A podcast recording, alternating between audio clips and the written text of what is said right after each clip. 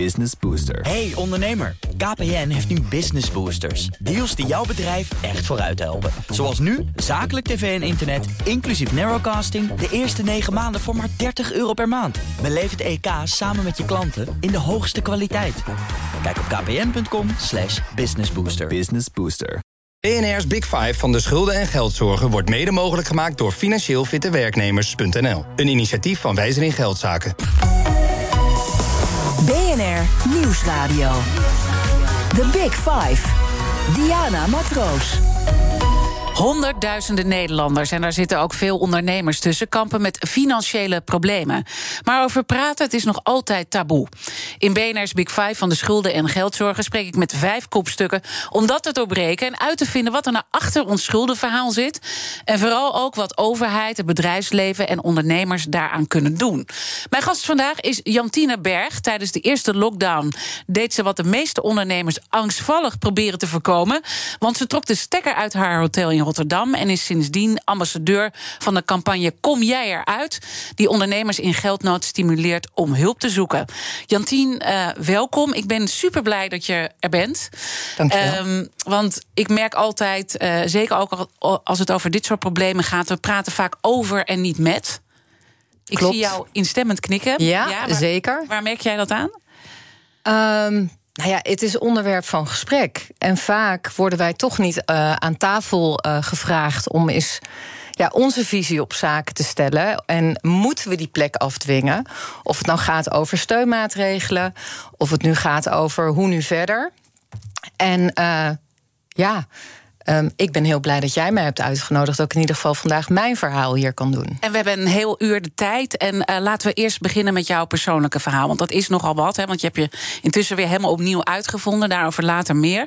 Maar het is meer dan een jaar geleden dat jouw hotel Stroom in Rotterdam failliet ging. Hoe vaak denk je nog terug aan dat moeilijke moment? Eigenlijk vandaag de dag heel veel. Want we zijn natuurlijk uh, uh, aan de vooravond van weer een grote verandering voor ondernemers. Het stoppen. 1 oktober, ja. Het stoppen ja. van alle regelingen. En um, ja, ik vertel mijn verhaal natuurlijk uh, vrij veel. Dus ik word ook iedere keer weer even teruggehaald naar dat moment. En ik kijk er eigenlijk op terug met een, uh, ja, een bitterzoete gedachte. Soms vraag ik me ook wel eens af van... Uh, ben ik te snel geweest? Um, maar uiteindelijk, ja... Um, eigenlijk best wel heel regelmatig. Dus ja. dat ik naar maar eigenlijk dus met een bitter gevoel, toch? Um, in die zin met een bitterzoet gevoel. Uh, de bitterheid zit erin van had het toch niet voorkomen kunnen worden. Die vraag blijf je altijd uh, afstellen. Um, maar aan de andere kant um, is het de beste beslissing die ik als ondernemer kon nemen. Want het heeft me ook heel veel gebracht. Ja, daar gaan we natuurlijk zeker over praten, wat het je allemaal gebracht heeft. Maar toch even terug naar dat moment. Uh, maart 2020 gingen de eerste maatregelen in. En eind mei heb je toen al faillissement aangevraagd. Voor jouw boutiquehotel, Stroom in Rotterdam, 21 kamers, uh, heb ik begrepen. Waarom dacht je al zo snel, dit gaat niet meer? Daar gaan natuurlijk een aantal dingen aan, uh, aan vooraf. Uh, allereerst uh, ga je in gesprek met al je schuldeisers. want je realiseert je al heel snel als de deur op slot moet en er komt niks binnen, maar je hebt geen afspraken gemaakt over wat er uit moet gaan, dat je daaraan moet gaan werken. Dus ik ging in gesprek samen met mijn compagnon toenertijd over uh, met de schuldeisers over wat we allemaal zouden kunnen doen. Uh, daar was heel veel uh, bereidheid toe om mee te denken. Alleen als je dan met een partij die een van de grootste schuldeisers is, dat merkt dat je daar niet uit gaat komen, ja, dan moet je met plan B aan de gang. En, en dan wie moet was je, dat? Um, um, dat was de vastgoedeigenaar in dit geval. Um, en ja, dingen lopen soms gewoon zoals ze lopen. Um, ik, ik wil daar niet te veel over uitweiden, want ik denk niet dat dat heel interessant is voor het verhaal. Um, maar uiteindelijk, als je daar niet uitkomt, dan zul je met plan B aan de slag moeten. Dan moet je uh, om de tafel om te gaan kijken wat doen de cijfers. En uh, um, ja, zoals ik altijd heb geleerd, als je op de achterkant van een sigarendoosje gaat uitrekenen dat er heel veel meer uitgaat dan dat er inkomt. En op dat moment was er nog niet echt sprake van allerlei steunmaatregelen uh, en pakketten. Maar ik zag die schuld heel hard oplopen. Toen dacht ik van. Want hoe hard ging het? Hoe, hoe... Nou, je moet je voorstellen dat wij na drie maanden uh, uh, al bijna 180.000 euro in de schulden zouden zitten, extra. Uh, naast alles wat er misschien nog ging komen. En dan heb je het alleen maar over vaste lasten, uitgestelde belastingen, het stukje extra wat je nog moest betalen, ondanks de NOW-regeling voor je personeel. Um, en wij zagen die inkomsten niet, ja, niet groeien. Dus um, en dan heb je op dat moment een aantal gesprekspartners nodig die jou meenemen om die berekening te doen op dat sigarendoosje. En die dan ook gewoon jou de waarheid durven te vertellen van oké, waar zitten je kansen? Um, gaat dit nog lukken? Ga je dit oplossen? En uh, ja, ik heb het geluk gehad dat ik daar uh, iemand in mijn directe omgeving bij had die gewoon uh, me echt de waarheid zei. En zei van joh, realiseer je hoe langer je in deze situatie blijft zitten, hoe groter je schuldenpositie wordt. Wil je het nu netjes oplossen? Nieuwe deuren gaan openen? Uh, je personeel een nieuwe kans geven? Uh, ja, ga dan overwegen om te stoppen. En dan zit je dus uh, dit soort gesprekken te voeren. Ja. Terwijl je aan de andere kant probeert die tent draaiende te houden. Ja. Je, je, je personeel te stimuleren. Dat lijkt me heel eenzaam. Is super eenzaam. Want uh, uh, aan de ene kant, en nou heb ik het geluk dat ik natuurlijk in de hospitality en in de horeca-branche zit. Dus je weet hoe je het theater moet maken aan de voorkant. Dus ik kon ook heel goed he, die enthousiaste ondernemer blijven naar mijn, uh, naar mijn team toe. Maar ik was ook wel transparant. al heel vroeg in het stadium heb ik mijn team mijn directe MT, in vertrouwen meegenomen en gezegd van joh, er zijn uh, een aantal uitkomsten mogelijk. En uh, willen jullie met me me meedenken? En daar kwamen heel veel mooie dingen uit. En die hebben ook echt wel tot uh, bijzondere resultaten geleid. Maar nooit genoeg om uit de situatie te komen. Dus achter de schermen ben je dan inderdaad in eenzaamheid met deze beslissing bezig. En je kan ook niet uh, een hulplijn inschakelen. Want er zijn maar weinig mensen, en zeker toen, uh, ondernemers, bij wie je kon aankloppen en kon zeggen van hé, hey, uh, vertel mij eens even hoe het zit, hoe je, wat moet je doen als je denkt dat je failliet gaat. En um, wat ga je dan doen? Zoals iedereen doet. Je gaat toch in je netwerk kijken. Je gaat gek genoeg ook googlen. Op faillissementen. Nou, en dan word je geadviseerd om een advocaat in, in, in de arm te nemen het eerste wat je dan denkt is: uh, waar ga ik dat van betalen? Um, dus je voelt dat kringetje steeds kleiner worden. En dan, en dan toch uh, um, ja, moet je op een gegeven moment die stap zetten. En dan, en dan kom je bij de rechtbank uit. En dan moet je een formulier gaan invullen waar je soms helemaal niet van snapt wat je moet invullen. En dan ja, is een, uh, iemand die daar verstand van heeft, toch wel heel handig in, uh, in je directe nabijheid. Ja, die jou daarbij kan uh, begeleiden. Maar dan kom je uiteindelijk ook dat je je mensen moet gaan vertellen dat het stopt. Ja, vind ik nog steeds een heel lastig iets om over te praten. Daar zit ook echt nog de, de, de emotie. Want ja, je moet je familie gaan vertellen, eigenlijk alsof ja, dat er iemand is overleden. Want zo voelt het. Je, je raakt iets kwijt wat, wat jou verbindt. Net zo goed als in een gezin een vader of een moeder wegvalt, dan ontstaat er ook een hele andere dynamiek. Nou, en dat is in dit geval ook. Um, er ontstaat in één keer een hele andere dynamiek. Uh, want je vraagt het faillissement aan en je hebt meteen op het moment dat het is uitgesproken ook niks meer te vertellen in je bedrijf. Dus op het moment dat je je personeel gaat inlichten, ja, dan heb je al, kan je al geen vragen meer beantwoorden. Dus, Want er staat meteen iemand om dat over te nemen. Um, er staat vrij snel een curator uh, uh, op, de, op de stoep om uh, het bewind over te nemen. Um, maar tussen dat moment van de uitspraak van de rechtbank en die curator, ja, heb je ook geen, geen zeggenschap meer. Want alles wat je op dat moment nog doet of zegt, kan in een latere fase jou in de problemen weer gaan helpen. Terwijl dit is dus je familie. Ja. Hè? De mensen die voor jou werken voelt als familie. Ja. En dan mag je eigenlijk niks meer zeggen, behalve dan.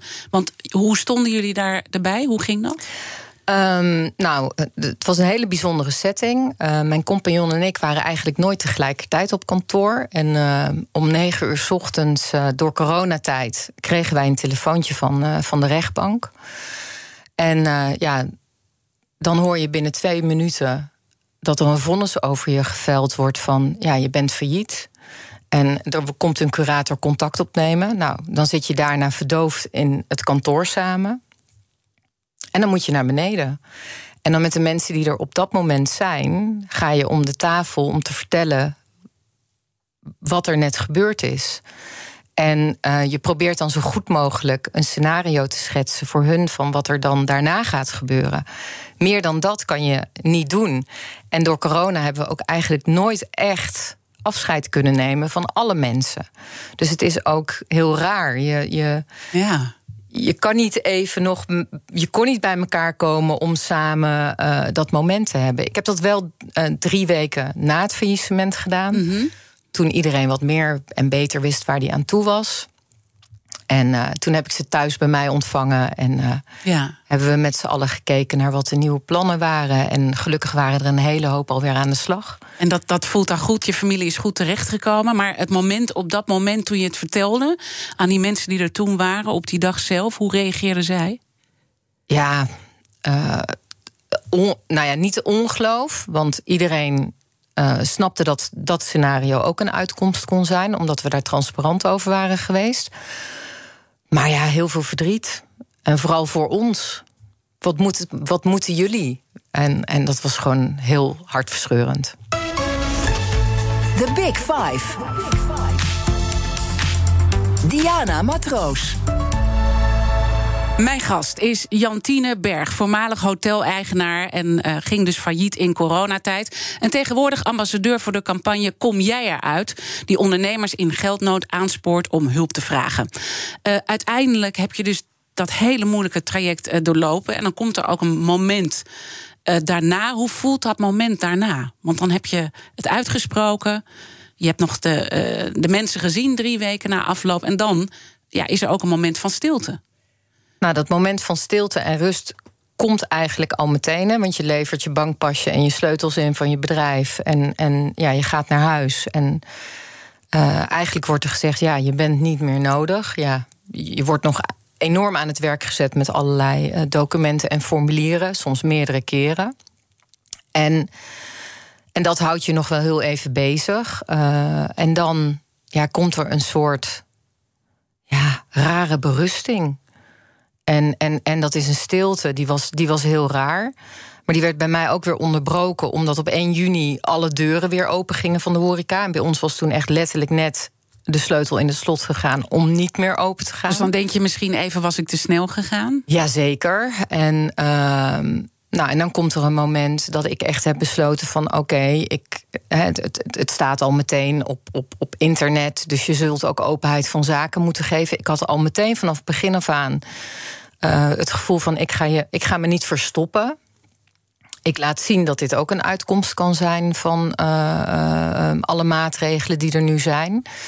En toen ben ik ja, mijn boodschap eigenlijk al gaan delen met mijn netwerk. En ja, ik kreeg daar zulke hartverwarmende reacties op. Als van wat een, wat een moedige ondernemersbeslissing. Tot God, het komt wel weer goed met jou. Je hebt zoveel ervaring. En daar ging ik me maar een beetje aan vasthouden. En ik heb toen ook echt besloten om even van de radar af te gaan. Ook even een periode. En te gaan bezinnen. Want ik kreeg van heel veel mensen de vraag: wat ga je nu doen? Want niemand was van mij gewend om nou, dat ik nooit een volgende stap had. Nee. En ik zeg ik kon alleen maar antwoorden. Ik heb er nog helemaal niet over nagedacht. Nee, want je moet eigenlijk nog helemaal verwerken wat er is gebeurd. Maar ik hoor jou ook zeggen van... ik besloot om openheid van zaken te geven. Want dat is ook wel de link met andere ondernemers... en überhaupt mensen die in de schulden en geldzorgen uh, zitten. Of het nou door faillissement komt of door iets anders. Er is altijd een gevoel van schaamte. Dat is wat ik tot nu toe heel veel heb gehoord in deze week. Herken je dat? Ja, ik, ik, ik herken dat wel. Ook in de gesprekken die ik nu met ondernemers uh, voer. Uh, um, men wil het niet onder ogen zien. Het is nog steeds een heel erg groot taboe om failliet te gaan. Terwijl uh, uh, ja, failliet gaan ook een onderdeel is van ondernemen. Dat kan, dat kan een uitkomst zijn. In okay. Amerika staan ze er heel anders in, hè? Ja, staan ze er inderdaad. een wapenfeit als je drie keer. Ja, het is bijna een geuze. ja, uh, ja en, ja. en, en in, hier in Nederland, ja hebben we toch een soort natuurlijke achterdocht. Er zal wel iets mis zijn. Het zal wel niet goed zijn gegaan. Of uh, Je hebt dat niet goed geregeld aan de voorkant. Dat je niet die buffers had of wat dan ook. Juist. Hè, er zit altijd iets veroordelends in. En uh, ja, in dit geval, uh, het overkwam mij. En zo was het ook. En um, waarom dan niet openheid van zaken geven? Maar daar zit dus ook die schaamte. Het overkomt je, maar um, ja, wij ondernemers um, proberen soms ook een bepaalde ja, façade hoog te houden. Van heel succesvol zijn. Er zijn ook maar weinig ondernemers die durven over hun fuck-ups te praten of over ja, dat het eigenlijk toch wel tegen zit. Um, um, is ook een beetje van, van deze tijd natuurlijk. En daar zit ook denk ik wel het probleem. We, we bouwen een façade op, maar we bouwen, hebben ook de afgelopen jaren met z'n allen misschien wel uh, met een te grote portemonnee geleefd. Uh, althans, de portemonnee was te klein, maar we hielden er een hele grote levensstijl op na.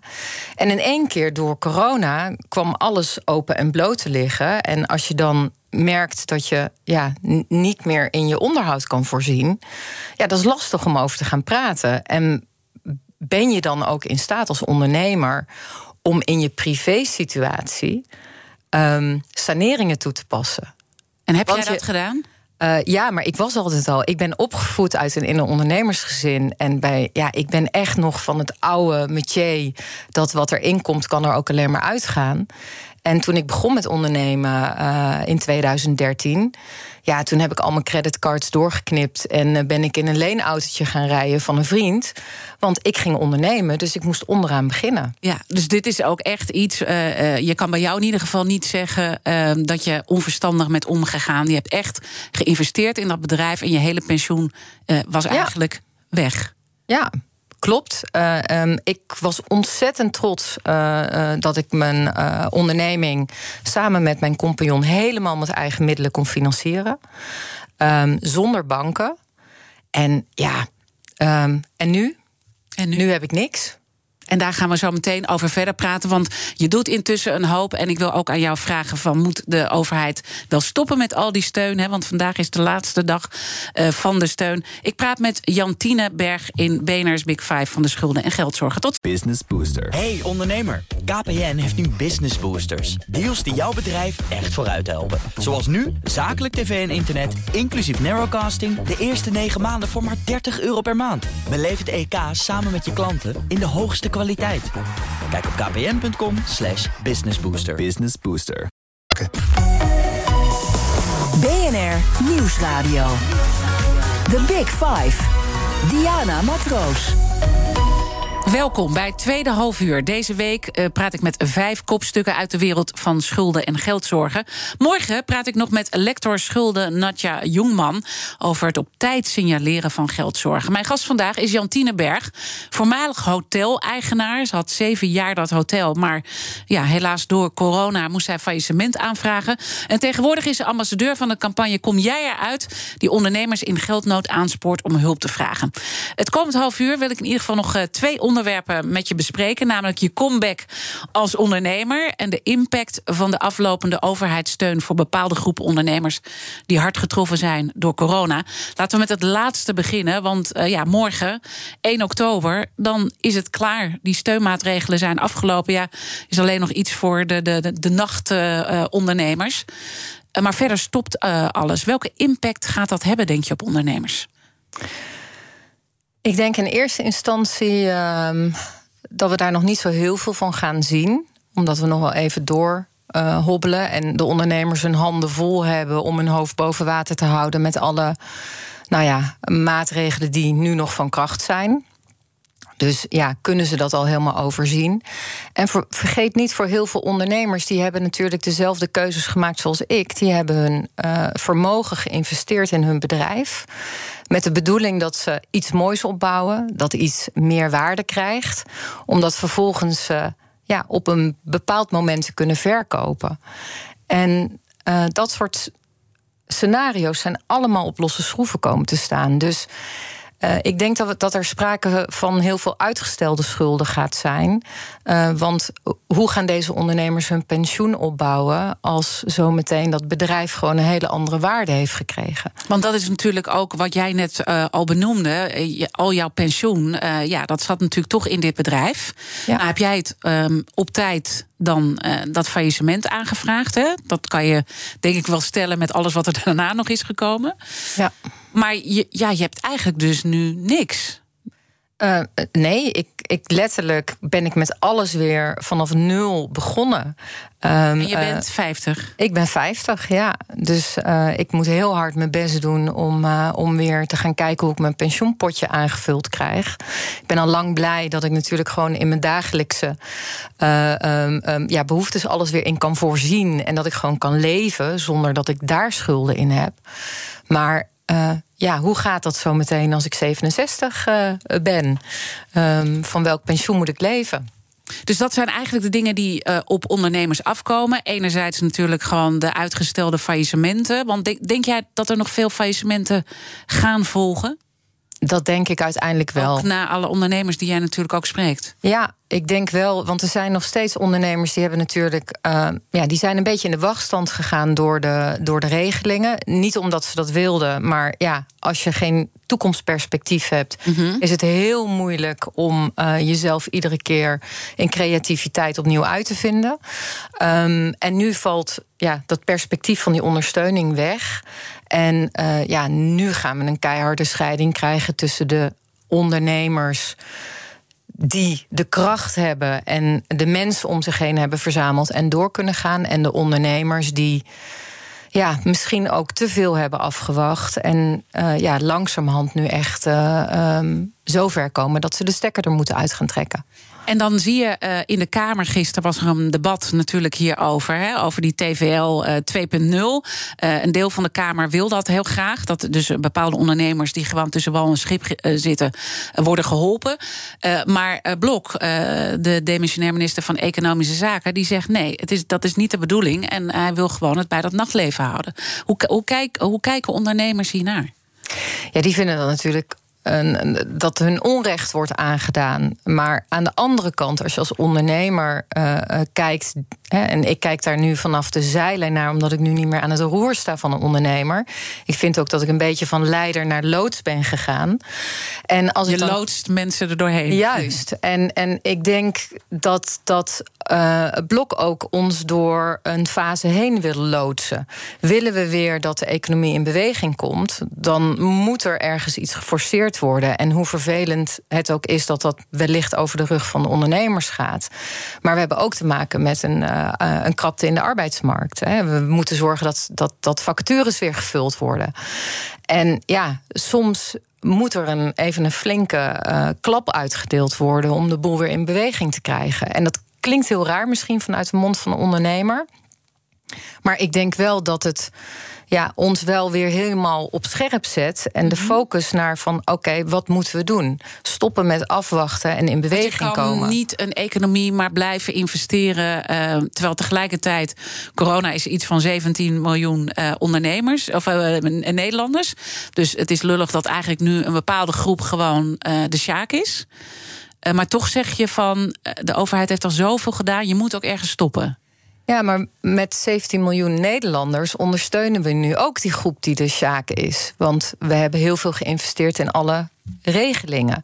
Dus ik vind ook dat we ergens die verbinding moeten gaan vinden in hoe kunnen we het nu samen oplossen en welke verantwoording nemen we allemaal. En dat. dat um, anders zou mijn beslissing die ik ooit heb genomen ook helemaal om niet zijn geweest. Dan ja. heeft hij geen waarde meer. Nee, dat snap ik. Want dat zei ook uh, uh, de, de demissionair staatssecretaris van Sociale Zaken, die gisteren bij mij te gast was. Je, je, je krijgt ook een rare afweging van als we uh, bijvoorbeeld belastingsschuld gaan kwijtschelden. Hè, want dat is toch een strop die bij veel ondernemers om de nek hangt. Ja, dan, wat moet je dan zeggen tegen mensen die dat wel allemaal netjes hebben betaald? Of die wel hun Correct. faillissement hebben aangevraagd? Want dan kom jij natuurlijk ook van. Ja. Hallo. Ja, waarom, waarom nee, als ondernemer um, ben je begonnen met ondernemen om zelf beslissingen te nemen. En ik heb nu op dit moment het idee, en dat komt natuurlijk omdat er geen toekomstperspectief is, dat we dat aan het vergeten zijn. En. Ehm, het maken van die beslissing van wat ga ik nu doen, die wordt ons nu ook een beetje opgelegd doordat die uh, regelingen stoppen. Maar het zou eigenlijk een natuurlijk proces moeten zijn.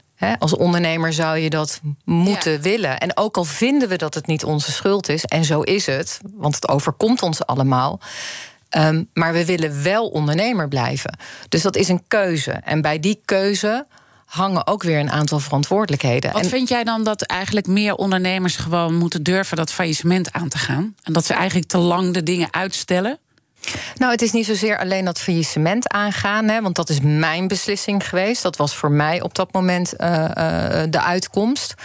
Maar vooral van wat kan ik nu uh, wel? Of um, moet ik een andere onderneming starten? Of um, moet ik voorlopig maar gaan werken en mijn onderneming weer op een later tijdstip mm -hmm. voorrang geven? Het lijkt heel makkelijk gezegd. Ja.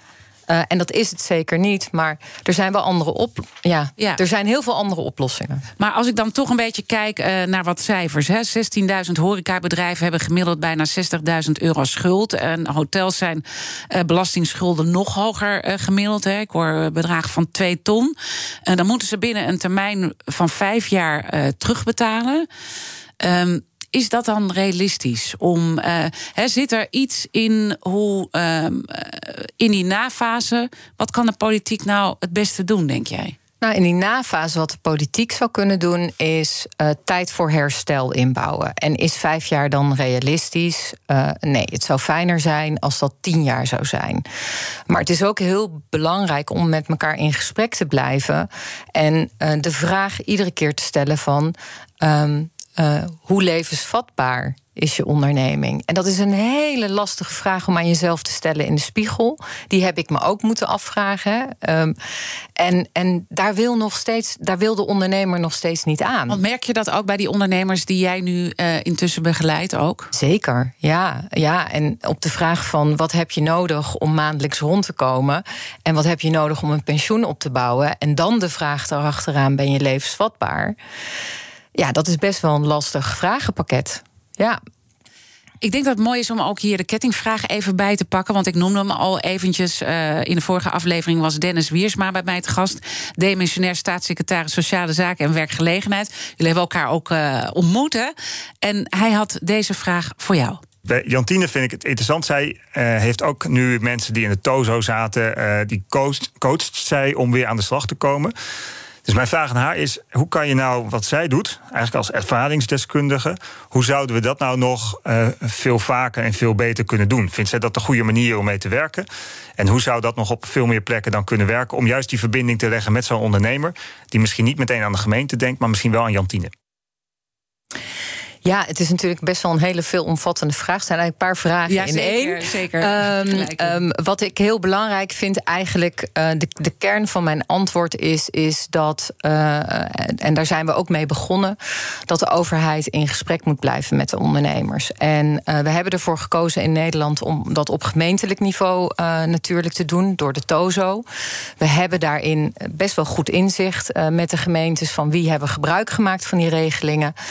En um, ja, er is een fantastisch telefoonnummer. Die heeft meneer Wiersma Dennis uh, ook meerdere malen gisteren genoemd. Maar ik denk ook heel belangrijk dat het vanuit de overheid en de gemeentes... Uh, dat er geïnvesteerd wordt om het contact vanuit een ondernemer naar de ondernemers te leggen. Nou, in, in mijn geval, in de gemeente Alphen aan de Rijn, uh, mocht ik dat voor de gemeente doen. En dan merk je dat er gewoon andere gesprekken voortvloeien. En dat er andere oplossingen komen. Want uiteindelijk wat we allemaal willen bereiken is dat die ondernemer weer gaat ondernemen. En uh, niet dat ze in de bijstand of in de schuldsanering terechtkomen. Laten we dan zo meteen uh, verder praten over hoe dat soort gesprekken gaan. En wat de belangrijkste lessen uh, zijn die jij meegeeft aan andere ondernemers. Straks dus meer met Jantine Berg over haar nieuwe onderneming. Maar eerst naar Iwan Verrip. Zometeen op je benen. Breekt natuurlijk weer om 11 uur. Wat ga je doen? Ja, we ontkomen niet aan de formatie. 200 dagen na de Ja. verkiezingen lijkt Rutte 3 eh, over te gaan in Rutte 4 met precies dezelfde samenstelling. Eh, dat is toch wel opvallend. Eh, het hing nog een beetje op D66. Nou, laatste nieuws is dat we horen dat ze eruit zijn, maar wij weten het nog niet. Maar de fractie zou zich dus een standpunt hebben inmiddels. En zometeen om half één dan eh, praat informateur Remkes door met de drie partijen.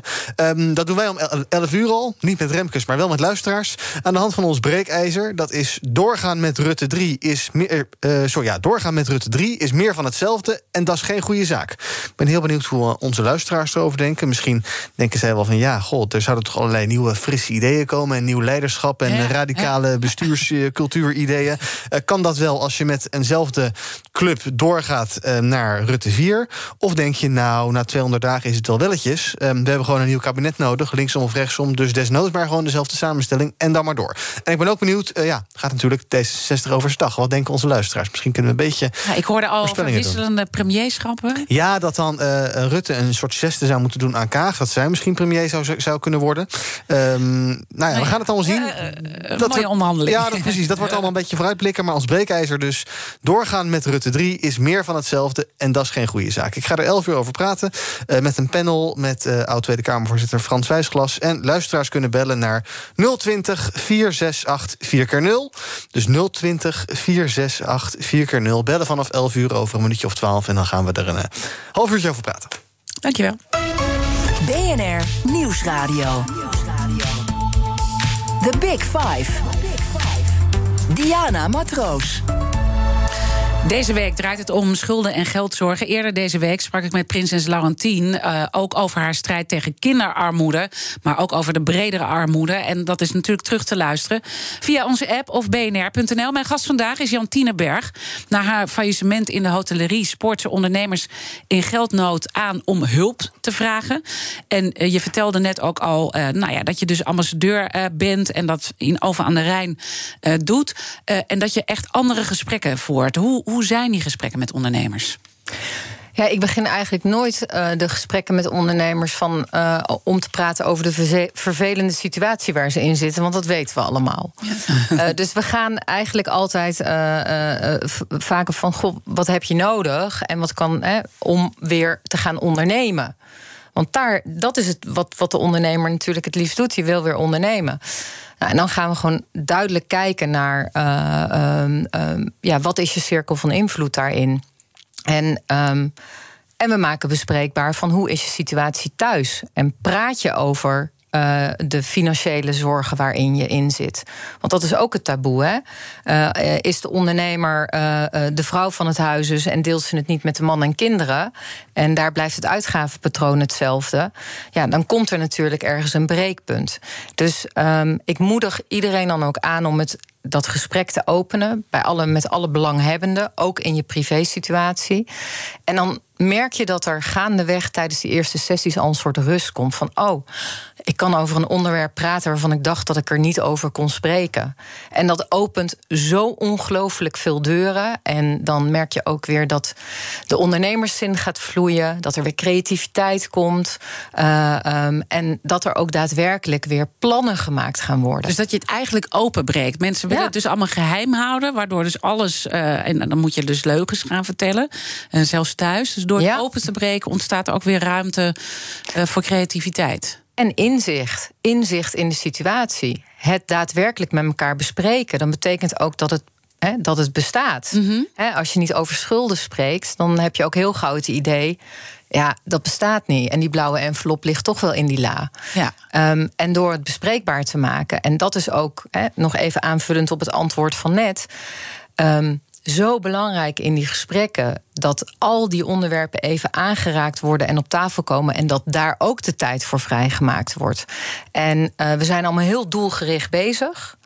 Uh, maar we gaan dan vaak in het proces en dat stukje voorbij. En als dat niet is opgelost, al die onderwerpen op tafel, kan je ook niet naar een resultaat gaan Het werken. inzicht, eh, de openheid, eh, thuis eh, gewoon erover praten. Eerlijk, eerlijk zijn. Dus dat zijn de belangrijke lessen die je meegeeft. En al- als dat dan het inzicht is, beter om te stoppen, dat ook gewoon te doen. En daar door te pakken. Of dus de creativiteit te vinden om je business opnieuw in te gaan richten. Ja, ja. Ja, en dan ben je natuurlijk ervaringsdeskundige. Ja. Eh, en geen eh, officiële financiële coach. Hè. Dus eh, betrek je ook andere organisaties daarbij? Werk je samen, bijvoorbeeld ook met de schuldhulpverlening, zodat je. Ik werk samen met een heel team vanuit de gemeente. Daar hebben we heel zorgvuldig naar gekeken van welke disciplines hebben we daarbij nodig. En dat kan variëren van ondernemersklankbord tot iemand van de service desk, geldzaken, de BBZ. Hè, want daar ben ik geen specialist in. Maar wat ik wel kan doen is de lijntjes kort maken en zorgen dat eh, de, de persoon die met mij in gesprek is, heel snel in contact komt met de persoon die over dat specifieke onderwerp eh, ehm, de hulpvraag kan Ja. beantwoorden. Dus het is eigenlijk intussen ook een bedrijf geworden. Ehm, ja, ehm, Een, een, zeker. Alleen ik moet er wel bij zeggen, ik hoop dat meer gemeentes gaan volgen. En eh, hè, we hebben heel veel gemeentes ehm, hebben een loket geopend waar de ondernemer naartoe kan. En ik roep op om te zorgen dat er mensen, ondernemers, zoals ik, eh, ehm, eh, die het ook misschien wel lastiger hebben gehad, juist betrokken worden in dit proces om die ondernemers te gaan bereiken en dat gesprek aan te gaan. En dus ook dat, dat menselijke aspect. Hè, dat hebben we natuurlijk bij de toeslagenaffaire ook ge- gezien. Een heel ander dossier. Maar het, het is vaak niet menselijk bij, bij de overheid. Je moet het dus menselijk eh, maken. Iemand die durft ook dat gesprek te voeren. Er moet een stukje empathie en inlevingsvermogen komen, wil je tot een oplossing komen. En dat betekent niet dat je met elkaar moet mee gaan zitten huilen op de bank. Nee, eh, dat eerst en daarna gaan we door. En, ehm, en ja, daar heeft de overheid het geduld niet voor. Maar ik denk ook de overheid eh, is natuurlijk niet zelf een ondernemer. Ja, het is de BV Nederland. Maar toch, we zijn van mening, denk ik hier allemaal... dat het toch een andere manier van denken is. En, ehm, en eh, uiteindelijk wil ik als ondernemer natuurlijk ook naar die beslissing toe eh, werken. Die beslissing die de ondernemer zelf moet nemen, die ik begeleid. Maar ja, dat resultaatgerichte op die manier... eh, ehm, ja, dat, daar moet je met ondernemers en ondernemers met ondernemers in gesprek over laten gaan. Eh, de kettingvraag gaat natuurlijk weer door. Want Ja. morgen heb ik eh, een eh, nieuwe gast. Daarmee sluit ik de week af. Dat is Nadja Jongman, lector schulden en incasso bij Hogeschool Utrecht. Zij is echt de autoriteit op dit gebied. Wat, wat zou je haar willen vragen? Nou ja, we hadden het net over inlevingsvermogen en, en, en, en persoonlijk. Dus ik wil eigenlijk deze vraag een persoonlijk tintje geven. Want ik ben heel benieuwd waarom zij nou eh, eh, zo'n expert is geworden in eh, het, het gebied van de schulden. Ehm, komt dat omdat zij zelf met schulden te maken heeft gehad? Of misschien mensen van dichtbij? Ehm, ja, die vraag houdt me eigenlijk bezig. Die ga ik haar zeker stellen. Hele mooie vraag. Ik hou van persoonlijke vragen. Dus dat, dat komt helemaal goed. Ehm, je staat ook nog eens een keertje voor de klas. Klopt, ja.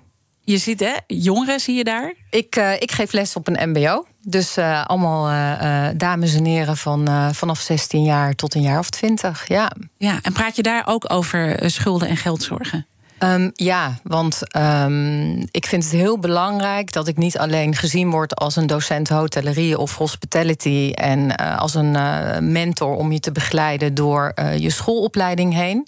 Dus ik ben heel openhartig over mijn verhaal in de hoop dat als, hè, en dat weten we allemaal, dat er ook schuldenproblematiek is bij jonge mensen.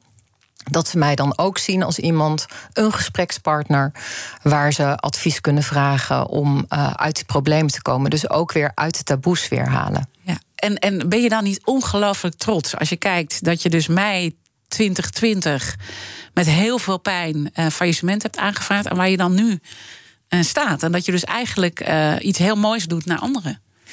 Ja, ik vind trots. Ja, misschien ben ik wel trots, maar ik voel me vooral heel erg krachtig. En ehm, ja, het is heel gek om te zeggen, maar ik voel me ook heel rijk nadat ik alles ben kwijtgeraakt. Oh ja? Ja. En wat is die rijkdom dan? Ja, de ervaring en, en, en ehm, Uh, het feit dat ik nu uh, zoveel terugkrijg van de ondernemers die ik mag helpen um, uh, door mijn ervaring te delen, dat het hun ook weer kracht geeft. En ja, eigenlijk wil ik bijna zeggen, je moet het meemaken om, om te ervaren. En is dat iets om op trots op te zijn? Nee. Het, blijkbaar is dit een route die, die op die ik nu voor mezelf zo heb uitgestippeld. Maar je voelt je dus wel heel krachtig. En zit er dan toch nog ergens een stemmetje in je hoofd die denkt: ik wil toch weer dat hotel? Um, om heel eerlijk te zijn, in het huidige landschap met alle maatregelen? Nee. Nee. Want er wordt wel veel van ondernemers ook wel gevraagd, hè, nu? Heel veel. Maar ik wil wel heel graag blijven meedenken naar iedereen die nog wel steeds de kracht heeft om, uh, om in de hospitality te blijven functioneren. Om mee te denken hoe je dan deze situatie kan overleven. Ik wil je heel erg danken voor je openhartigheid. Want ik kan me ook voorstellen dat heel veel ondernemers nu luisteren die zelf in de problemen zitten. Of andere ondernemers of werkgevers. Want schulden speelt natuurlijk heel breed. Ook bij werknemers hebben wij het al nu niet over gehad.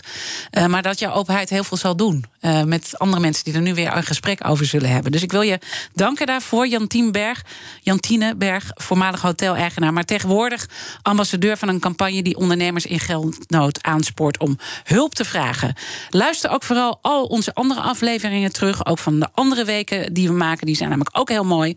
Ook van mijn collega Art Rooijakkers. Uh, je vindt de podcast in onze BNR-app en op bnr.nl. Maar blijf natuurlijk live de hele dag. Straks weer dat belangrijke politieke nieuws bij Iwan Verrips met BNR Preekt. Ik wens je een mooie dag. BNR's Big Five van de schulden en geldzorgen wordt mede mogelijk gemaakt door financieel fitte werknemers.nl. Een initiatief van Wijzer in Geldzaken. Business Booster. Hey ondernemer, KPN heeft nu Business Boosters. Deals die jouw bedrijf echt vooruit helpen. Zoals nu, zakelijk tv en internet, inclusief narrowcasting, de eerste 9 maanden voor maar 30 euro per maand. Beleef het EK samen met je klanten in de hoogste kwaliteit. Kijk op kpn.com slash businessbooster. Business Booster.